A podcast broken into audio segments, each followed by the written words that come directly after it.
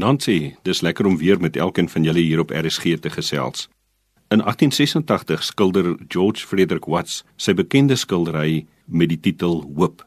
Wat die skildery besonder maak is die feit dat dit met die eerste kyk nou nie juis 'n prentjie van hoop gee nie. 'n Vrou sit alleen op 'n aardbol wat so half in donkerte gehul is. Sy's geblindoek en effens vooroorgebo, amper in 'n fetale posisie. En mense sou kon vra, "Waar's die hoop?" Maar as jy so bietjie langer kyk, bietjie dieper kyk, dan sien jy dat die persoon wat na die skildery kyk as ware die bron van lig is en verder ook 'n baie klein fyn sterretjie wat wel lig gee. Die vrou sit verder met haar oor by 'n lier waarvan nege snare stikkend is, maar een kan nog musiek maak. En daarom noem Watts hierdie skildery hoop. Van sien vriende in die onskynlike donker en stikkende wêreld is daar altyd 'n sprankie van hoop. Is daar musiek wat nog gehoor kan word, al is dit ook net met een snaar. En wanneer Paulus vir die gelowiges in Efese in Hoofstuk 5 vers 9 sê dat hulle as mense van die lig moet leef, dan sien ek iets van hierdie toneel wat Watts geskilder het.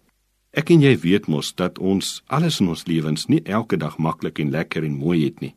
Ook hierdie nuwe jaar sal beslis sy deel hartseer en donker te bring. Maar as gelowiges wat iets verstaan van ons plek in God se meesterplan, kan ons met hoop leef. Al lyk dit soms vir ons of die wêreld uitmekaar val.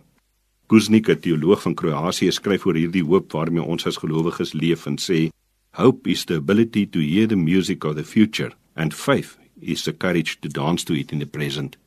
En dis presies wat Paulus se boodskap aan die gelowiges in Efese is.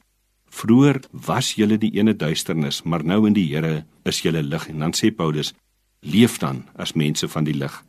Dalk dink jy nou vir 'n oomblik terug aan die dag wat verby is, aan die omstandighede aan die mense waar jy dalk iets van 'n wanhoop beleef het. Weet dat God vir jou en my roep om 'n verhouding met hom te leef en dat hy as deel van sy meesterplan ook wil hê dat ek en jy moet hoop bring in 'n stukkende wêreld. Mag hy dan ook vir ons vandag toefou in sy gees sodat ons inderdaad môre daardie hoop kan wees vir hulle wat in donkerte leef. Kom ons bid saam. Vader, wanneer die donkerte van die aand om ons begin toefou, mag ons u teenwoordigheid beleef en mag dit vir ons hoop bring sodat ons hoop kan gaan wees. Amen.